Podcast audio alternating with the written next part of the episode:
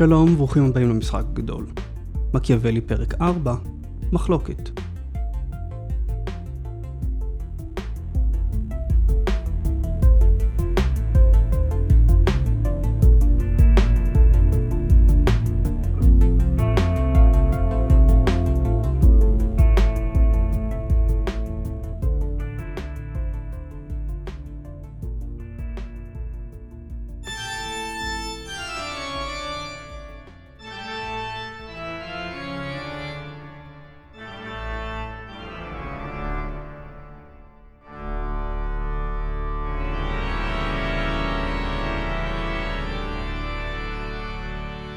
זה סיפור עתיק הזמן.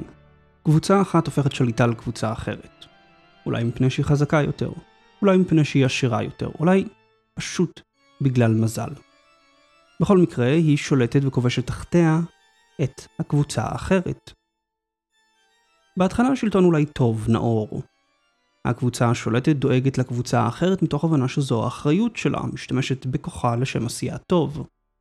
אך עם הזמן, כמו כל מערכת, גם המערכת הפוליטית הופכת מושחתת. מי שפעם היו אצילים נאורים, הופכים אוליגרכים מושחתים. הם מנצלים ופוגעים בקבוצה תחתיהם, וזו הופכת מתוסכלת וזועמת עד לנקודה שהיא מתמרדת נגד האדונים שלה. מהפכה פורצת. לעתים הקבוצה השולטת מצליחה לרסן את הקבוצה תחתיה, אך עושה זאת במחיר אדיר. הדיכוי הפוליטי הופך אלים יותר, חריף יותר, מה שרק מכין את המהפכה הבאה. במקרים אחרים הקבוצה השולטת מובסת, אולי מושמדת, והקבוצה שהייתה תחתיה כעת עולה והופכת לכובשת החדשה. במאבקים האלו נמצאים לא פעם יזמים פוליטיים, יחידים או קבוצות שמנצלים את המאבק בשביל להגביר את כוחם.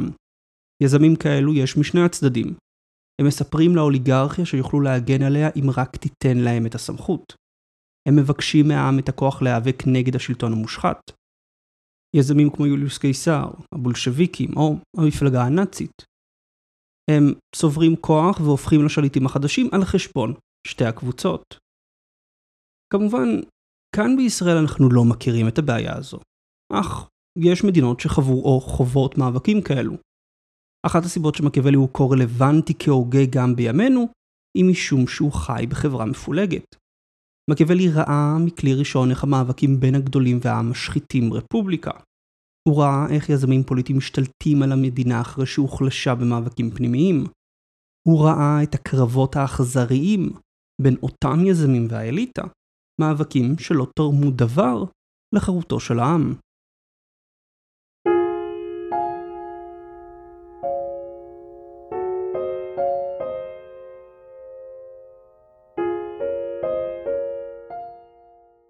מקרה אחד כזה התרחש כשמקיאוולי היה כמעט בן תשע, ב-26 באפריל 1478.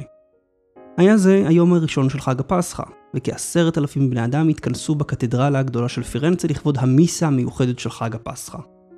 ביניהם עמדו שניים מהאזרחים הנכבדים והחזקים של העיר. האחים לבית מדיצ'י, לורנצו וג'וליאנו. לורנצו היה אז בן 29, אחיו ג'וליאנו רק בן 25. לורנצו הפך ראש המשפחה אחרי שאביהם פיירו נפטר ב-1469. הוא היה אחראי על הבנק המשפחתי, בנק מדיצ'י, ושלט במנגנון הפוליטי שאביו וסבו, קוזימו, בנו בעיר. המדיצ'י שלטו בפירנצה דרך הוועדות הרבות שלה, מטים בחירות, משחדים פקידים ומגרשים יריבים. רשמית, לורנצו היה עוד אזרח מהשורה, אך הוא התנהל כמו נסיך. הוא לא היסס להתערב בענייניהן של משפחות חזקות אחרות בעיר, לתלות חשודים בקנוניות נגדו ולהשתמש במלוא כובד אישיותו, כדי להעביר חקיקה ששירתה אותו. רשמית פירנצה הייתה רפובליקה. בכל יום שעבר תחת לורנצו היא הזכירה יותר ויותר נסיכות. ג'וליאנו היה פטור מהעיסוק בפוליטיקה וכך היה פטור גם מהשנאה שזו הקנתה לאחיו. הוא נחשב ליפה יותר מבין האחים והוא גם היה רגיש יותר. לא פעם התאהב מעל הראש בנשים שדחו את חיזוריו. הוא היה אהוד על ידי רבים מתושבי העיר, שחששו מהעריצות הזוחלת של אחיו לורנצו. באותו יום ג'וליאנו לא התכוון להגיע לקתדרלה, שכב חולה בביתו, אבל אחרי הפצרות רבות של חבריו הסכים להגיע. הוא נכנס לקתדרלה מלווה בשני חברים טובים, פרנצ'סקו פאצי וברנרדו בנדיני. שלושת הגברים הצעירים היו מחויכים, חלקו בדיחות וצעדו מחובקים אל תוך הקתדרלה.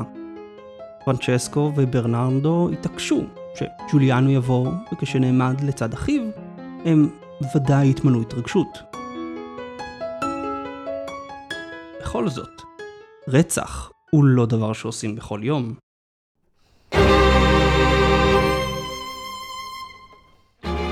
המכה הראשונה הייתה של בנדיני, שדקר את ג'וליאנו בחזה.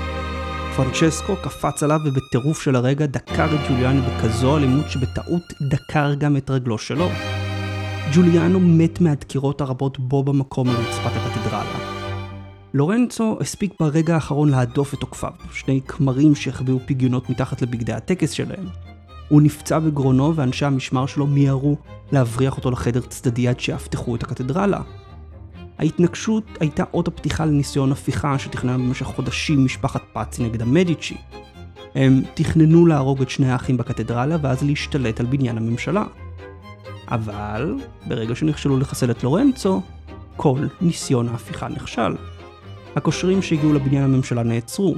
לורנצו הופיע בפני תומכיו ועודד אותם לנקום את מותו של אחיו ג'וליאנו. ההמון פרץ לבתי משפחת פאצי והרג את כל מי שיכלו לשים עליו יד. חלק מן המשתתפים בקשר נגד המדיצ'י נקרעו לגזרים על ידי ההמון. אחרים נתלו, כולל הארכיבישוף של פיזה.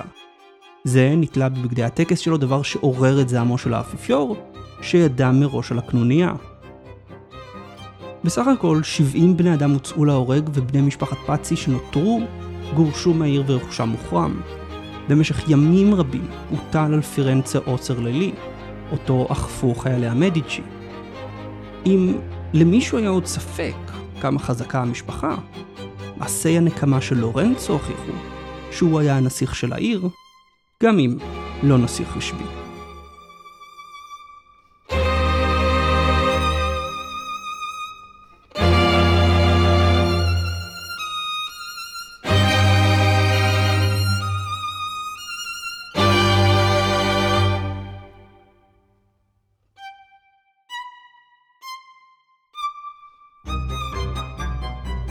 הרע בסיפור של הפאצי נגד המדיצ'י? זו הרי שאלה שאנחנו מרבים לחשוב עליה, או לכל הפחות לאמץ את התשובה שלה, כשאנחנו חושבים על המאבקים הפוליטיים שלנו. תמיד יש רעים מול טובים, אז מי הרע בסיפור של הפאצי נגד המדיצ'י? לכאורה הפאצי. זה לא חברי לדקור אדם אחר למוות. כמה שטני צריך להיות כדי לפתות את הקורבן שלך לזירת הרצח ולהעמיד פנים כל הדרך שאתם חברים. לא רק זה, החיבוקים שנתן פרנצ'סקו פאצי לג'וליאנו כנראה נועדו לבדוק אם הוא חמוש, מה שאולי היה מציל את חייו. עד לרגע בו פרנצ'סקו דקר את ג'וליאנו, הוא העמיד פני חבר. איזה קור רוח. איזו רשות. מצד שני, איזו ברירה הייתה לפאצי? המדיצ'י היו בשלב הזה השליטים הבלתי מעורערים של העיר. החזיקו בה באמצעות המנגנון הפוליטי שלהם. לורנצו התנהל כמו רודן. הוא ניסה להכתיב למשפחות אחרות עם מי כן ועם מי לא לעשות עסקים, והתערב בעניינים משפטיים בכוונה לפגוע בפאצי. לדוגמה, במרץ 1477 נפטר אביה העשיר של אישה שהתחתנה למשפחת פאצי. האישה טענה לירושה של אביה, מה שהיה מגדיל עוד את אושרה של המשפחה שכבר התחרה בזה של המדיצ'י. אבל לורנצו התערב וקבע שיורש האב אינו ביתו, אלא האחיין שלו, משום שהוא הגבר בעל הקרבה הכי גדולה לאב המנוח. כך לורנצו לא רק הפר מסורת בת מאות שנים בפירנצה שבת יורשת אב, הוא גם מנע מהפאצי ירושה גדולה. מה הם היו אמורים לעשות? להוריד את הראש ולתת למדיצ'י לשלוט בהם? אם היינו שואלים את מקיאוולי מי הרע בסיפור, כנראה היה משיב ששניהם הפאצי רעים משום שניסו להחליף את השלטון בפירנצה בדרך של אלימות, דרך שלרוב רק מביאה עוד אלימות. שינוי אלים אחד גורר שינוי אלים אחר. מדינות בהן מתרחשות הפיכה צבאית לרוב יהיו בסיכון גבוה יותר להפיכה צבאית נוספת. מקיאוולי רמז לכך כשכתב בפרק ב', כי תמורה משאירה תמיד בליטה משוננת לבנייתה של אחרת. סוף ציטוט. שינוי אחד בשלטון מכין את היסוד לשינוי הבא. המדיצ'י רעים משום שהשתלטו לפירנצה והפכו אותה לנסיכות שלהם, גם אם לא רשמית. הם הפכו את מוסדות הרפובליקה ללא יותר מתיאטרון וניצלו את כוחם כדי לפגוע במשפחות אחרות. האם חשבו שיוכלו לפגוע באחרים ואלו לא ירצו נקמה? אבל מקיאוולי כנראה היה מוסיף ואומר, שני הצדדים הם גם תוצאה של מצב העניינים שקדם להם. המדיצ'י לא הרגו את הרפובליקה של פירנצה כשהשתלטו עליה במעין הפיכה חמושה משלהם ב-1434. לא. הרפובליקה הייתה מתה הרבה לפניהם. הרפובליקה של פירנצה מתה במלחמות בין הגדולים, האליטה, ובין העם, ההמון. במלחמות האלו הושחתו מוסדות הרפובליקה, התפוררו החוקים שלה והיא הפכה מרפובליקה לאוליגרכיה. בסביבה האוליגרכית הזאת צמחה המפלגה של המדיצ'י והשתלטה על העיר כולה. המדיצ'י היו רק אוכלי הנבלות הכי ערמומיים בלהקה שחיה על הגופה. אחד הנושאים המרכזיים שהעסיקו את מקיאוולי היה שחיתות. כיצד חברה הופכת מושחתת וגורמת לסופה. שחיתות אצל מקיאוולי אין משמעותה רק שימוש בכוח לצרכים אישיים, אלא הרס של מוסדות ציבוריים וחוקים. אם משום שהם נדחקים אחורה על ידי אינטרסים אישיים, נגיד חמולות חמושות או ארגוני פשע, אם משום שהם הופכים כלים בידי שחקנים שונים, שחקנים שפועלים לטובת עצמם במקום לטובת הכלל. החברה המושחתת היא חברה שאינה פועלת עוד לטובת הכלל, אלא מורכבת מאוסף שחקנים שכל אחד מהם משתמש במוסדות החברתיים ובחוקים לצרכיו. זו יכולה להיות מפלגה פוליטית שמחלקת משרות לתומכים שלה. אלו יכולים להיות תעשיינים שמשתמשים במשטרה כחברת אבטחה פרטית.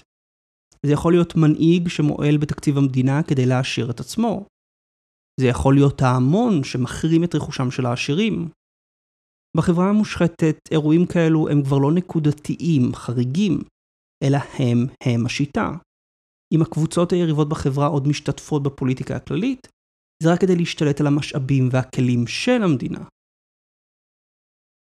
הרבה לפני שהמדיצ'י הגיעו לשלטון, פירנצה הייתה חברה מושחתת.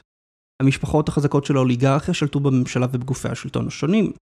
החלטות, עם צעדי מדיניות, עם חוקים, היו מתקבלות תחילה בדיונים פרטיים בין ראשי המשפחות.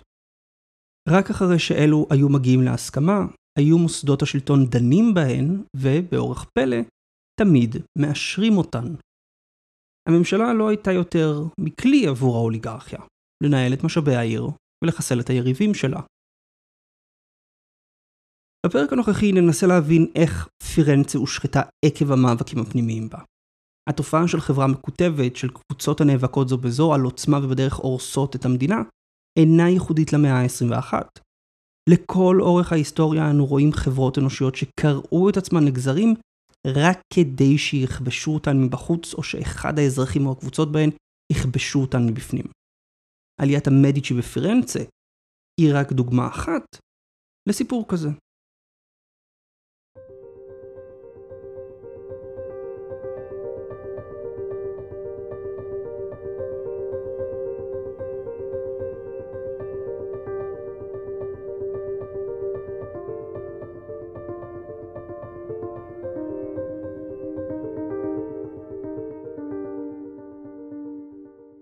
מקיאוולי באופן מפורש לא עסק במדיצ'י ואיך הם עלו לשלטון, לא בנסיך ולא בדיונים. אבל כפי שאנחנו כבר יודעים, זה שהוא לא עסק בהם, בפירוש, לא אומר שהוא לא עסק בהם בכלל. פשוט צריך לדעת איפה לחפש. המדיצ'י מסתתרים בפרק ט' של הנסיך, העוסק בנסיכות אזרחית. נסיכות בה הנסיך עולה מבחירתם של בני עירו. זה נשמע כמו דמוקרטיה, אבל לא. הנסיך האזרחי נבחר על ידי אחת משתי קבוצות. האצילים, הגדולים, גרנדי, שהם הקבוצות המובחרות והמיוחסות, או האנשים, העם, פופולו, שהם מעמד הביניים, הסוחרים והאומנים. בימינו יש מכנים אותם האליטה וההמון. מקיאוולי לא מפרט כיצד הנסיך נבחר. אוליגרכיה יכולה למנות את אחד מחבריה להיות ראשון בין שווים, לדוגמה, הדיקטטור בראשות המדינה. ההמון יכול למנות מנהיג באמצעות מהפכה. בחירה כאן אינה זהה עם בחירות. כדאי גם לשים לב שהחלוקה של מקיאוולי לגדולים והעם אינה זהה לחלוקה שלנו בין ההמון והאליטה. החלוקה של מקיאוולי מבוססת יותר על הרצונות והשאיפות שלהם, ופחות על חלוקה חברתית או כלכלית. המאפיין היסודי של הגדולים שהם רוצים לשלוט. המאפיין היסודי של העם, שהוא רוצה שלא ישלטו בו, לשמור על חירותו. לדעת מקיאוולי שתי הקטגוריות האלו הן קטגוריות יסודיות שחוזרות ומופיעות בכל ישות פוליטית לאורך ההיסטוריה. בפירנצה, עיר הולדתו של מקיאוולי, המונח גדולים מתייחס מבחינה סוציולוגית לקבוצות מיוחסות כמו בעלי קרקעות גדולים, בנקאים וסוחרים עשירים. העם, במובן פוליטי, שימש לעיתים לתיאור כל מי שיכול היה להשתתף בתהליך המדיני, כל אזרחי העיר. במובן הסוציולוגי, העם לרוב התייחס לקבוצות שאינן מיוחסות, במיוחד בעלי המלאכה, סוחרים קטנים ובעלי אדמות קטנים ממעמד הביניים. לרוב אלו התארגנו בגילדות, כל גילדה למקצוע מסוים. נפחים, יצרני בדים, רופאים וכדומה. במשך כ-300 שנה, בין המאה ה-13 למאה ה-16, הגדולים והעם נאבקו זה בזה מי ישלוט בעיר. רשמית פירנצה הייתה רפובליקה והתהדרה בהיותה רפובליקה. בפועל, הרפובליקה הותקפה משתי חזיתות. בחזית אחת, המשפחות האצילות נאבקו על השלטון, משתמשות בממשלה כנשק זו נגד זו. לדוגמה, הן היו מגרשות אחת את השתייה מהעיר. בחזית השנייה, האצילים מנעו מהעם ייצוג הוגן בממשלה, דואגים לשמור על שליטתם בה. העם, מתוסכל מהדיכוי הפוליטי שלו ומהפגיעות של האצולה נגדו, לא אחת התקומם נגד הגדולים והקים ממשלה עממית שנקמה באצילים. אחד האירועים הדרמטיים במאבק הזה בין הגדולים והעם היה המהפכה של 1378. באותה מהפכה הגילדות התאחדו וסילקו את האליטות מהממשלה. הם הקימו משטר מהפכני חדש שהבטיח שוויון לכל אזרח ברפובליקה. טוב, כמעט לכל אזרח. אם הוא היה חבר גילדה. כמו כל מהפכה ראויה לשמה, גם לזו התלוותה אלימות רבה. המון משולהב שרף את בתי המשפחות העשירות, ורבים מהמשפחות המיוחסות הוצאו להורג או הוגלו מפירנצה. אבל כרגיל עם מהפכות, האלימות של מהפכת 1378 הביאה לתגובת נגד מצד האליטות, שביצעו הפיכה נגד הממשלה המהפכנית ב-1382. אחרי שסילקו את הממשלה, האליטות רצו לוודא שלא תהיה עוד מהפכה. הגילדות ניצלו את המאבקים בתוך האליטה כדי להשתלט על העיר. כדי למנוע מצב כזה, המשפחות המיוחסות החלו להתחתן זו עם זו, מתגברות על קווי מחלוקת ישנים. עד אז, האליטות בפירנצה התחתנו לפי שכונה, כל שכונה והמשפחות המיוחסות שלה. לרוב מחלוקות באליטה היו לפי החלוקה לשכונות. אחרי 1382, המשפחות המיוחסות התחילו לצאת מהשכונות והתחתנו זו עם זו. המטרה הייתה לטשטש קווי מחלוקת ישנים ולהביא את כל המשפחות המיוחסות לאותו צד, לגבש אוליגרכיה עירונית יחידה ומאוחדת נגד העם. רק שלא כל המשפחות אוחדו בה. היו מספר משפחות שהיו סימפטיות ושיתפו פעולה עם הממשלה המהפכנית. המשפחות הללו נתפסו כבוגדות, וראשי האליטה דאגו עד כמה שאפשר לבודד אותן משאר המשפחות המיוחסות. אחת מאותן משפחות מבודדות הייתה המדיצ'י. חשוב להבין שבאיטליה של אותם ימים בריתות פוליטיות בין משפחות נעשו על ידי נישואין. כלומר, נישואין היו הכלי כדי לכרות ברית פוליטית. היום חתונה בין בני זוג נתפסת כאקט אינדיבידואלי של שני בני הזוג כיחידים. אני החלטתי להתחתן עם אשתי כי אני אוהב אותה, היא אוהבת אותי ורצינו לבנות ביחד בית. זו הייתה החלטה פרטית שלנו. באיטליה של המאה ה-14 נישואין היו עניין משפחתי. משפחות שרצו לכרות ברית פוליטית חיתנו את הילדים. לרוב משפחת הכלה הייתה המשפחה הדומיננטית בקשר, ומהחתן ציפו שהוא יהפוך לבעל ברית ופעיל פוליטי של אבי אשתו. האוליגרכיה גיבשה את עצמה על ידי נישואין. מי שנשאר בחוץ, כמו המדיצ'י, בעצם הפך מבודד פוליטית.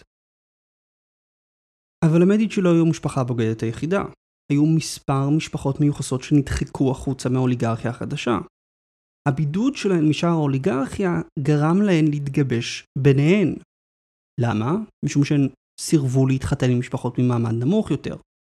אם אין להם את האופציה להתחתן עם משפחות ממעמד נמוך יותר, אם אין להם את האופציה להתחתן עם משפחות אחרות באוליגרכיה, הן נאלצו להתחתן עם המשפחות הבוגדות האחרות, גם אם הן היו משכונות אחרות. לדוגמה, המדיצ'י הרבו להתחתן עם משפחות מסנטו ספיריטו, השכונה שמעבר לנהר הארנו. נוצר גרעין של מפלגה פוליטית חדשה, מפלגה פוליטית מיוחסת ויריבה לאוליגרכיה. זה בדיוק מה שהאוליגרכיה ניסתה למנוע, עם אסטרטגיית הנישואין שלה. מה שאנחנו רואים כאן, ואנחנו נראה שוב ושוב, איך פעולה פוליטית יוצרת פעולת נגד זהה והופכית לה. האוליגרכיה ניסתה להתגבש, ויצרה פיצול. הדוגמה הראשונה, כבר שראינו, הייתה המדיצ'י, שההשתלטות שלהם על פירנצה עוררה את ניסיון ההפיכה נגדם. פעולות פוליטיות פעמים רבות מביאות לתוצאה הפוכה ממה שהתכוונו. הגיבוש באמצעות נישואין של האוליגרכיה הוליד את היריבה המיוחסת שלה. וזאת הייתה הטעות הראשונה שלה. הטעות השנייה של האוליגרכיה הייתה לדחוק החוצה את האנשים החדשים.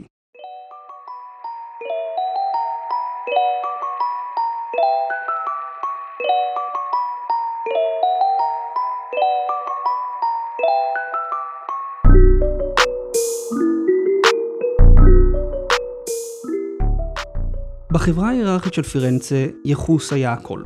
אנשים הוציאו הון רב רק כדי להתחתן עם מי שמעליהם בסולם ולשדרג את מעמדם. להתחתן עם מי שמתחתם היה לא מקובל. גישה כזו כמובן יוצרת אפליה ועוינות בין משפחות מיוחסות יותר ובין משפחות מיוחסות פחות. קבוצה אחת כזו של משפחות מיוחסות פחות היו האנשים החדשים, האנשים החדשים היו משפחות שבניהן זכו לא מזמן בבחירות לממשלה של פירנצה, הסינוריה. כמו בצבא, בפירנצה ותק נתן יוקרה. האנשים החדשים היו הטוראים של הפלוגה ולכן היו נמוכים יותר בסולם ההיררכי. עכשיו, המילה בחירות היא לא מדויקת. פירנצה בנתה מערכת אלקטורלית מורכבת מאוד כדי למנוע מצב בו מפלגה אחת תשתלט על הבחירות. אז כאשר אני אומר שהם נבחרו לממשלה, הם לא בדיוק הריצו קמפיין והיו בחירות, כן, אנשים לא באו להצביע בקלפי. מה כן היה? אז כדי לבנות מערכת שבה מפלגה אחת לא יכולה להשתלט על הבחירות, פירנצה יצרה מערכת שבה יש בחירות רנדומליות. הם הקימו מנגנון מורכב, בו מספר גופים היו בוחרים מאגר של מועמדים ראויים, ואז שמים את השמות שלהם בשקים. מהם היו מושכים שמות אחת לחודשיים. כלומר, כל חודשיים הייתה לפירנצה ממשלה חדשה, והממשלה הזאת הייתה נבחרת כמו בלוטו. לכאורה, אם יש בחירה רנדומלית, פשוט שולפים שם משק, לא יכולה להיות הטיית בחירות. אף אחד לא קובע אילו שמות יצאו מהשק. בפועל אבל, אם מפלגה אחת הייתה משיגה מספיק השפעה בגופים שבחרו את המועמדים, היא יכלה בקלות להטות את השמות הנבחרים במאגר, כך שרוב הזמן, רוב הממשלה תהיה מהאנשים שלה. זה בדיוק מה שעשו המדיצ'י אחרי 1434. אבל נחזור לענייננו. אז האנשים החדשים לא היו מהמשפחות הבאמת מיוחסות, מהסמ"רים של פירנצה, שהתנסו עליהם והתייחסו אליהם בבוז. נישואין בין המשפחות המיוחסות לבין האנשים החדשים לא באו בחשבון. שוב, בפירנצה של אותם ימים, או שהתחתנת עם שווה ערך לך, או שניסית לשדרג את המעמד שלך. בשום מצב לא היית מתחתן עם מישהו שנמוך ממך בסולם החברתי. כדי להמחיש לכם את הדברים, יש לנו מכתב מהתקופה שבו אב הנחה את בניו, התחתנו עם השווים לכם במעמד, או עם הגבוהים מכם במעמד, אך לא עם מישהי שתהיה כה גבוהה מכם, שהיא תהיה הגבר בבית. סוף ציטוט. בכל מקרה, המשמעות הייתה שהאנשים החדשים נותרו מחוץ למנגנון הפוליטי של האוליגרכיה. חסרים את קשרי הנישואין שגיבשו את המשפחות המיוחסות זו עם זו. ללא קשר משפחתי הם נאלצו או לחפש מישהו עם קשר כזה, או להיאבק באוליגרכיה.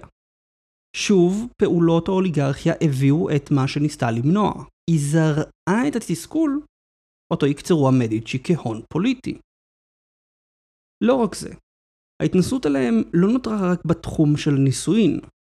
רוב המשפחות המיוחסות של האוליגרכיה הפלורנטינית סירבו לעשות עסקים עם האנשים החדשים, מעדיפות משפחות מיוחסות על פניהם. זאת למרות שרבים מהאנשים החדשים היו סוחרים ויזמים מוצלחים, שהצליחו להיכנס מלכתחילה לממשלה הודות לעושר הרב שצברו. האוליגרכיה העדיפה מעמד על פני כסף. לעומתם, המדיצ'י שמחו לעשות איתם עסקים. בזמן שהמדיצ'י לא התחתנו עם האנשים החדשים כראוי למשפחה מיוחסת, הם עשו איתם בשמחה עסקים. בעוד האוליגרכיה הפלורנטינית הפנתה להם את גבה, המדיצ'י הרבו להיכנס לשותפויות עסקיות ומסחר עם האנשים החדשים. כך המדיצ'י יצרו קשרים עם קבוצה מקופחת פוליטית, שהייתה חסרה הנהגה מרכזית. במהרה, המדיצ'י למדו כיצד לנצל זאת כדי להעצים את עצמם.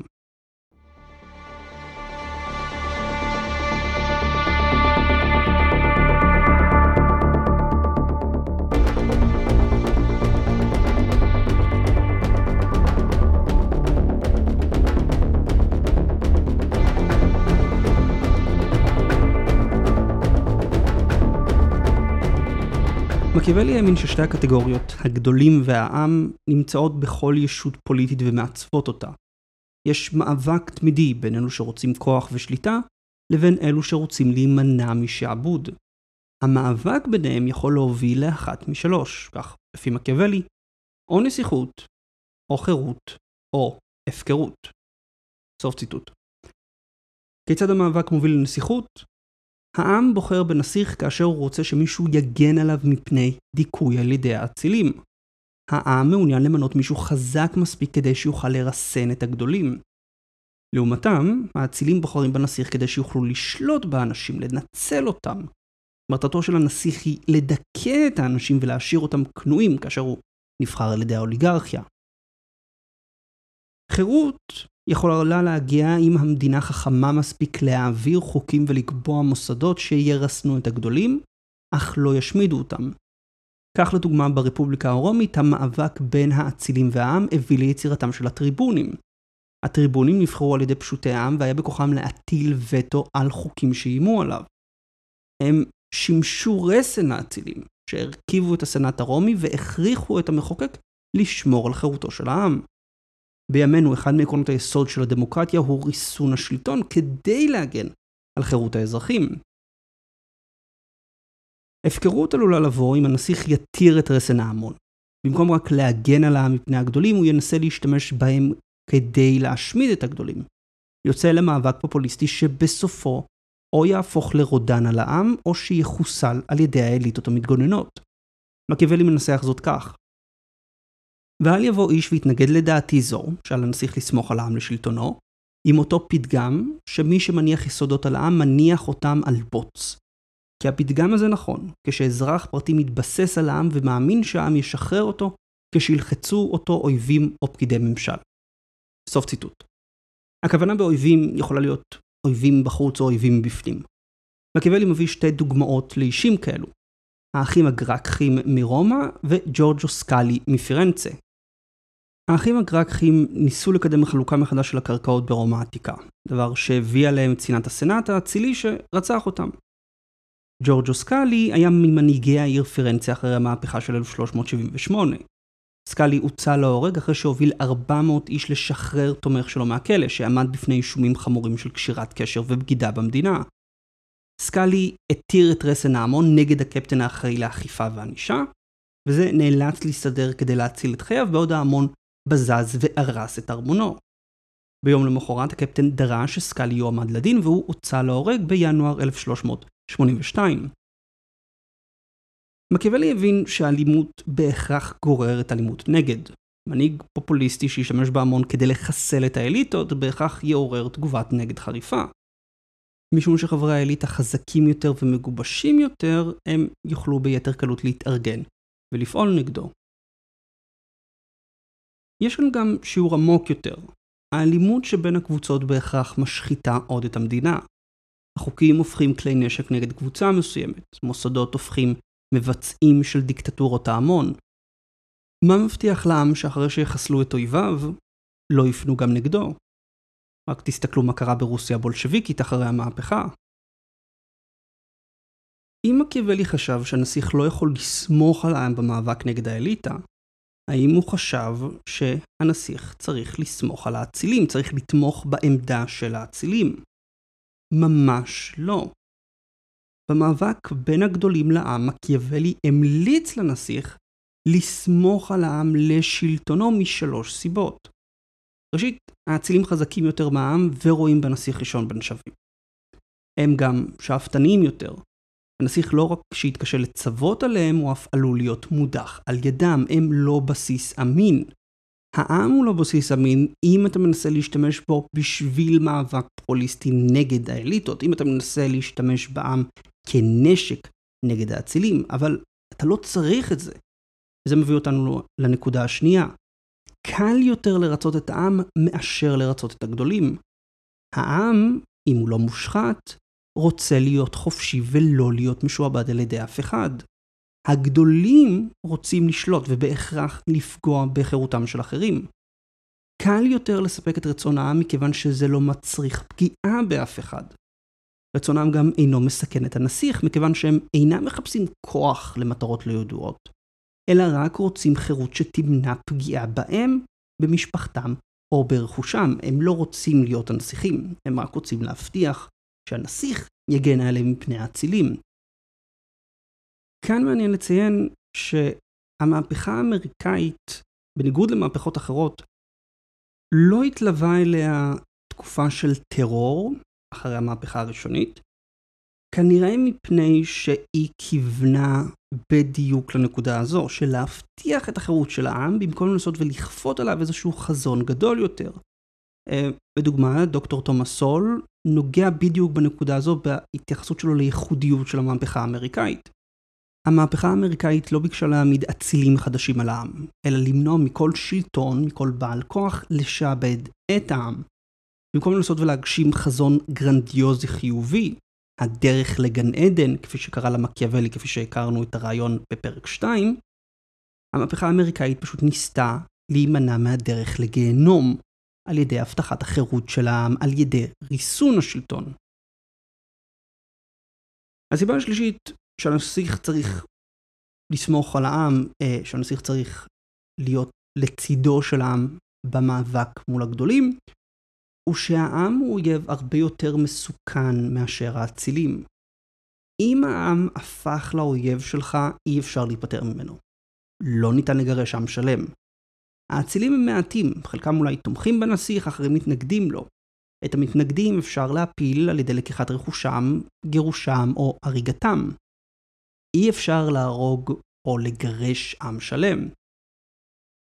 חשוב לשים לב שגם במשטרים דיקטטוריים או אוטוקרטיים כיום, המשטר סומך על תמיכת העם או לכל הפחות על האדישות שלו. לדוגמה, בצפון קוריאה המשטר מתחזק כת אישיות ממנה נובעת הלגיטימיות של שושלת קים ושל המשטר כולו. בסין הלגיטימיות נובעת משילוב של הבטחה לצמיחה כלכלית וחידוש המעמד של סין כמעצמה עולמית. גם דיקטטורות אלימות כמו זו של סטלין או היטלר דאגו להשיג לגיטימיות מצד העם, באמצעות תעמולה ופחד. איפה המדיצ'י עמדו במאבק בין הגדולים והעם?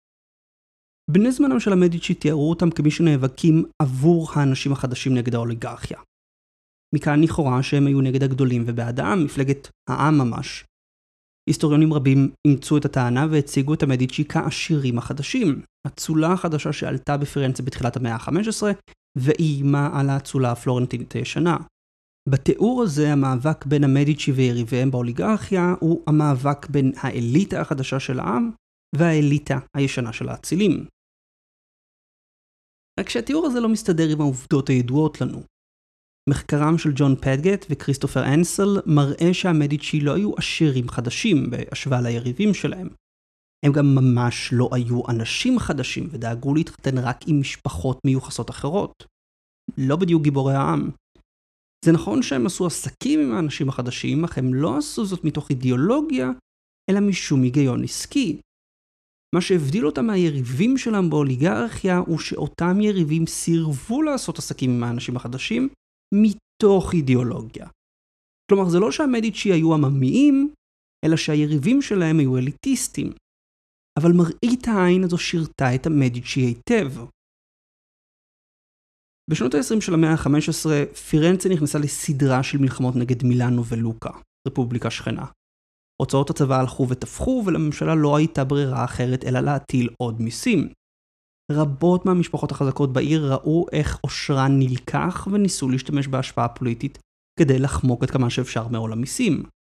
מי שהיה בעל קשרים השפיע על חישוב הנכסים ברשותו וכך הפחית את המס שנדרש. אולי אפילו קיבל הנחה. אבל מה עשה מי שלא היו לו קשרים פוליטיים?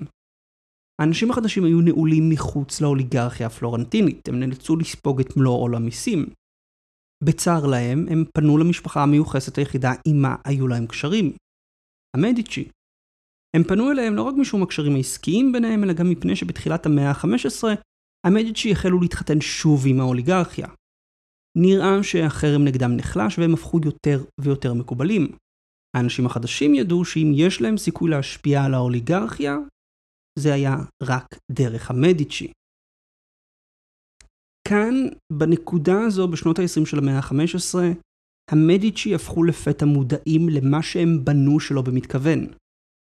הם היו יחסית מבודדים מהאוליגרכיה משום חרם הנישואים שהיה נגדם. היו להם קשרים טובים עם האנשים החדשים משום שהאוליגרכיה סירבה לעשות עסקים עם הנחותים מהם בסולם החברתי. ועכשיו היה להם מה שלא היה לאוליגרכיה. הם היו הנציגים של קבוצה גדולה וחשובה כלכלית בפירנצה, קבוצה שנדחקה על ידי האוליגרכיה לשוליים הפוליטיים. הם היו המנהיגים היחידים שלה. המדיצ'י הקימו שלא במתכוון מפלגה עממית, והם ניצלו אותה כדי להגדיל את כוחם. חשוב להבין שכאשר אני קורא למנגנון הפוליטי של המדיצ'י מפלגה, הוא שונה מהמפלגות בימינו. מפלגת המדיצ'י לא הייתה ארגון פוליטי שהוקם במטרה להשתתף בפוליטיקה של העיר. לא. המנגנון הזה קם כתוצאה לא מכוונת של הפעילות העסקית וקשרי הנישואין של המשפחה. שלא במתכוון המדיצ'י מצד אחד החזיקו בקבוצה של משפחות מיוחסות שתמכו רק בהם, משום שהיו מבודדות משאר המשפחות. מצד שני המדיצ'י גם החזיקו בקשרים עסקיים ענפים עם האנשים החדשים, שהוחרמו על ידי האוליגרכיה. קל להבין עד כמה המבנה הזה היה עוצמתי אם נסתכל עליו מנקודת מבט רשתית. מפלגת המדיצ'י הייתה בנויה כמו כוכב. המדיצ'י במרכז עם כל חברי המפלגה מקושרים רק אליהם. המדיצ'י היו הצומת היחיד שחיבר בין הקבוצות, ומכאן היו המנהיג היחיד של המפלגה. הם יכלו בקלות לתאם פעולה קולקטיבית, ללא מתחרים. לעומתם, משפחות האוליגרכיה היו מקושרות זו עם זו, עם מספר צמתים דומיננטיים. הרשת האוליגרכית הייתה מבוזרת יותר, ועל כן התקשתה לתאם פעולה קולקטיבית של כל הקבוצה. בכל פעם שצומת אחד ניסה לקדם קו פעולה, צמתים אחרים התחרו איתו. בנוסף, העובדה שמפלגת המדיצ'י הורכבה גם ממשפחות מיוחסות וגם מאנשים חדשים, אפשרה למשפחה להסתיר את האינטרסים האמיתיים שלהם. כפי שציינתי, בני זמנם ראו בהם גיבורי האנשים החדשים. מצד שני, הם התחתנו רק עם משפחות מיוחסות. עבור בעלי הברית של המדיצ'י באצולה, המשפחה הייתה משפחה מיוחסת שדאגה למשפחות מיוחסות. עבור התומכים שלהם מקרב האנשים החדשים, המדיצ'י היו מנהיגים עממיים, חלק מהעם. בפועל, אלו ואלו טעו. המדיצ'י בעיקר קידמו את עצמם. השתלטו על גופי החקיקה, הבחירות ולבסוף על ממשלת הרפובליקה.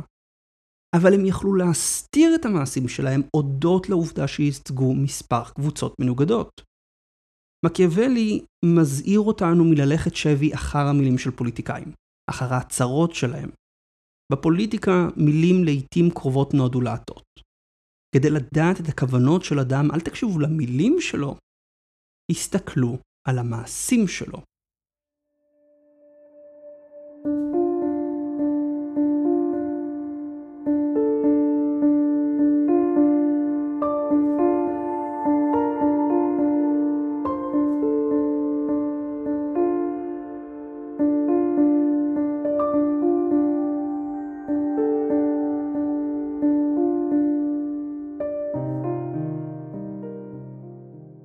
מקיאוולי סיים את פרק ט' עם התצפית הבאה.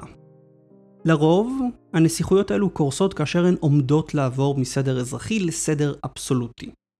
סוף ציטוט. אם תזכרו, בפרק הראשון, ציינתי שהמשפט הזה עורר אצלי סימן שאלה, כאשר קראתי אותו בפעם הראשונה. למה מקיאוולי לא כתב, לרוב הנסיכויות האלו קורסות אם הן עומדות לעבור מסדר אזרחי לסדר אבסולוטי? הנסיכות האזרחית היא דוגמה לדרך ביניים. פשרה בין שתי קצוות. בנסיכות האזרחית יש לנו מצד אחד נסיך, אדם שמחזיק בסמכות העליונה, ומצד שני יש לנו פקידי ממשל שגם הם נבחרו על ידי העם. נבחרי הציבור הללו מרסנים את הנסיך, שהוא בעצם מטבעו אינו מעוניין להיות מרוסן. הנסיכות האזרחית היא פשרה בין הנסיכות האבסולוטית ובין הרפובליקה. הפשרה הזו מכילה בתוכה מאבק פוליטי, גם אם לעיתים רדום. המאבק הוא על השאלה כיצד על הנסיך לשלוט. האם ישלוט לבד, כשכל סמכויות השלטון בידו, או עליו לשלוט לצד מוסדות המדינה העצמאיים ממנו. במקרה השני, הוא מוגבל על ידי המוסדות, חייב לעבוד איתם במקום פשוט לצוות עליהם. לעתים הוא יצטרך לוותר על התוכניות שלו או להתאים אותן לדרישותיהם של אחרים. והדבר עלול לעורר תסכול בנסיך, שיראה במוסדות כמי שמחבלים בתוכניות שלו ומונעים ממנו להיטיב עם האזרחים. עם הזמן הוא עלול לראות במוסדות יריבים, שיש להחליש אותם כדי שיוכל באמת למשול ולממש את החזון של מי שבחר אותו. בעיה נוספת, שוב, בעיה בעיני הנסיך שהפקידים אינם נאמנים לו, כי הם למדינה. בעוד הנסיך תלוי בהם כדי לבצע את רצונו, הם אינם תלויים בו. אם הנסיך ימצא את עצמו בשעת משבר, לדוגמה מרד, הפקידים עלולים שלא לבוא ולסייע לו. למה שיש לי חוסר נאמנות כזה? למה שלא יבטיח את עצמו על ידי השתלטות על המוסדות האחרים? כאן חוסר ביטחון דוחף אותו לנסות לחסל את המוסדות העצמאיים ממנו. במוקדם או במאוחר, הנסיך ינסה להיפטר מהמוסדות האחרים ולבסס שלטון יחיד. מקיאוולי מזהיר אותו מכך. האנשים רגילים לציית למוסדות האלו ובשעת משבר פוליטי הם יתמכו במי שהם מאמינים שהחוק לצידו. אם הנסיך ינסה לחולל משבר פוליטי ולבצע שינויים קיצוניים, הוא יגלה שהאזרחים והנתינים, שרגילים לקבל פקודות מפקידי הממשל, אינם מוכנים לציית לפקודותיו. סוף ציטוט. אם הנסיך ימשיך בכל זאת, הוא עלול להביא למלחמת אזרחים והתפוררות מוחלטת של המדינה. המדיצ'י נמנעו עד כמה שיכלו מלעורר משברים פוליטיים כאלו. מעדיפים לשלוט מאחורי הקלעים. מצד שני, בכל פעם שהגיעו לשעת משבר והעם התקומם נגדם, לא הייתה להם תמיכה מצד מוסדות הממשלה. פעמיים ב-1494 וב-1527, המשפחה גורשה על ידי מפלגות יריבות באוליגרכיה שנהנו מתמיכת העם. כשחזרו בפעם הראשונה לעיר ב-1512, המשיכו את צורת הרפובליקה לכאורה, גם אם שוב שלטו בה מאחורי הקלעים. כששבו לעיר בפעם השנייה ב-1530, כבר לא חזרו להעמדת הפנים. הרפובליקה בוטלה, והמדיצ'י הפכו עצמם לנסיכים של פירנצה ושל כל טוסקנה. המדיצ'י לבסוף עברו מנסיכות אזרחית לנסיכות אבסולוטית. שימו לב שזה קרה שלוש שנים אחרי מותו של מקיאוולי. הקביעה של מקיאוולי שכל הנסיכויות האזרחיות הופכות לנסיכויות אבסולוטיות, היא תמרור אזהרה לעם. אל תיתנו לאדם יחיד או קבוצה כוח בלתי מרוסן. לא משנה מה הם מבטיחים לכם. כי יש הבדל יסודי בין העם ובין הגדולים, הבדל שנשאר גם כאשר העם הוא שבוחר את הגדולים. העם לעולם לא יחזיק בשלטון כעם. לעולם אלו יהיו יחידים שיאיישו את התפקידים השונים של השלטון. לעולם אלו יהיו יחידים שייהנו מכוח וקשרים, לא העם. ברגע בו אדם הופך נבחר ציבור, הוא עולה בהיררכיית העוצמה. הוא כבר לא חלק מהעם, חלק מההמון. יש הבדל איכותי בינו לבינם. העם אולי שם אותו בתפקידו, אך ברגע שהוא מאייש את התפקיד, הוא הופך חלק מהאליטה. אולי לא חלק ממנה פוליטית, אולי הוא מייצג מפלגה שונה בה, אך הוא כעת חלק ממנה, נהנה מכוח וקשרים, ופעמים רבות עושר שאין לאדם הפשוט. מכאן הדרך קצרה שגם הוא יפעל בשביל עצמו בדיוק כמו האליטה המושחתת שהוא בא להחליף. כך קרה עם המדיצ'י. הדרך היחידה בשביל העם לשמור על חירותו היא לרסן את השלטון. לא משנה מי נמצא בו ומה הוא מבטיח. העובדה שהשלטון נבחר על ידי העם אין בה כדי למנוע ממנו להפוך עריץ. רק ריסון השלטון, אם באמצעות בחירות, אם באמצעות חוקה, אם על ידי עמידה פעילה של העם על המשמר, יכולה להבטיח לעם את חירותו.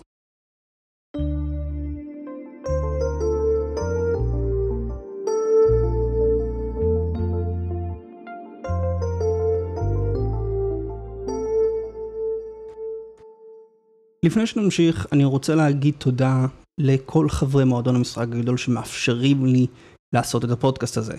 הם כמובן לא שומעים את זה, כי הם מקבלים את כל הפרקים ללא חסויות, ללא פרסומות, רק את הפרק נטו. אם אתם אוהבים את המשחק הגדול, אם אתם רוצים לתמוך בפעילות של המשחק הגדול, אם אתם רוצים עוד תוכן כמו הפרקים האלו, אם אתם רוצים להבין יותר טוב את העולם שלנו, אם אתם רוצים ניתוחים גיאופוליטיים עדכניים, אם אתם רוצים פודקאסט שמכבד אתכם ואת האינטליגנציה שלכם ומנסה לתת לכם הבנה יותר טובה של העולם, אני מזמין אתכם להצטרף למועדון המנויים שלנו. בכל שבוע תקבלו סקירה שבועית על האירועים הכי מעניינים שקורים בעולם ושבדרך כלל נמצאים מתחת לרדאר של התקשורת. תקבלו בכל שבוע ניתוח שבועי בלעדי לחברי המועדון על אירועים אקטואליים, גישה לקבוצות פייסבוק וטלגרם סגורות רק למנויים, ועוד. בואו והצטרפו היום למועדון. תתמכו במשחק הגדול, קבלו עוד תוכן, ותבינו יותר טוב את העולם. כי ידע הוא כוח. קישור להצטרף למועדון נמצא בתיאור הפרק, אתם מוזמנים ללחוץ עליו עכשיו ולהצטרף. מאוד פשוט, מאוד קל, תלחצו, תצטרפו. אני אשמח לראות את כולכם, תקבלו את כל הפרקים האלו, ועוד. מוזמנים.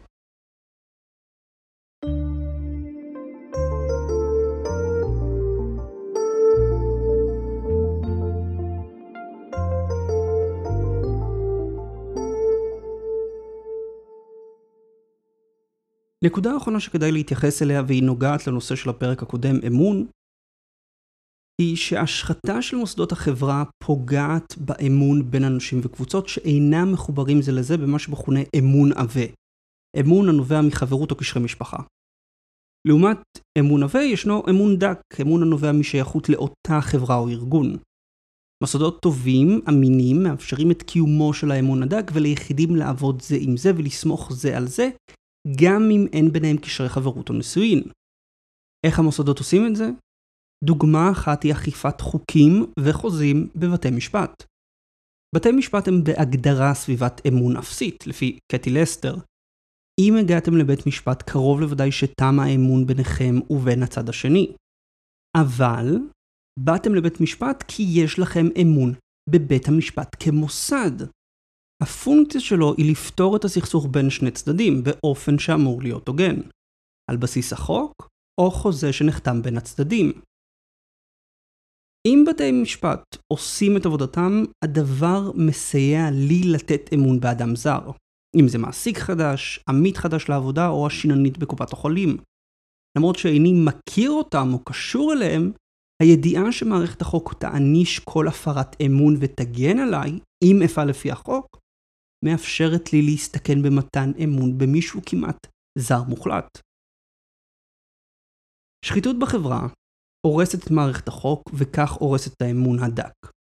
מה שנותר אז הוא אמון עבה. גם חוסר תפקוד של בתי המשפט, חוסר אמינות שלהם, גם היא פוגעת באמון הדק.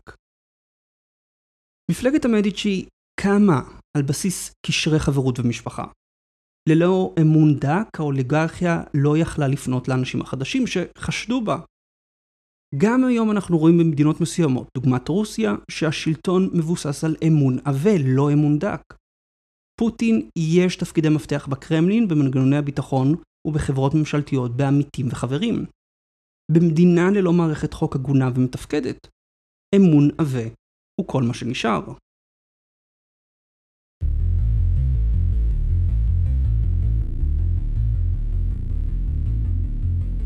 מכאן גם שיש מעגל קסמים בהשחתה של מדינה. שחיתות ראשונית פוגעת באמון הדק, מה שמחזק את האמון העבה. אנשים מסתגרים בקבוצת החברים והמשפחה שלהם. לאט לאט נותנים לקבוצה יותר משקל מאשר למוסדות המדינה וחוקיה. זה מביא לפגיעה נוספת במוסדות והחוקים, מה שפוגע עוד באמון הדק. החברה מתפוררת לקבוצות עוינות, והמדינה מגוף שמעודד אמון ביניהן, הופכת לכלי נשק, בו הן משתמשות. זו נגד זו. זה הכל היום. אני הייתי ניצן דוד פוקס, ותודה רבה לכם על ההקשבה. אם אהבתם את המשחק הגדול, אתם מוזמנים לתת לנו חמישה כוכבים בכל אפליקציה שבה אתם מאזינים, ולהמליץ עלינו לחברים ובני משפחה. פודקאסטים מופצים מפה לאוזן. אז מכירים חבר שיכול להתעניין, מכירים בן משפחה שיכול להתעניין, שלחו לו עכשיו את הפרק. וכמובן מזכיר, אם אתם אוהבים את המשחק הגדול, אם אתם רוצים לתמוך במשחק הגדול, אם אתם רוצים עוד תוכן מהמשחק הגדול, תצטרפו למועדון המנויים שלנו. קישור בהערות הפרק. תודה רבה לכם, אני הייתי ניצן דוד פוקס, ניפגש בפרק הבא.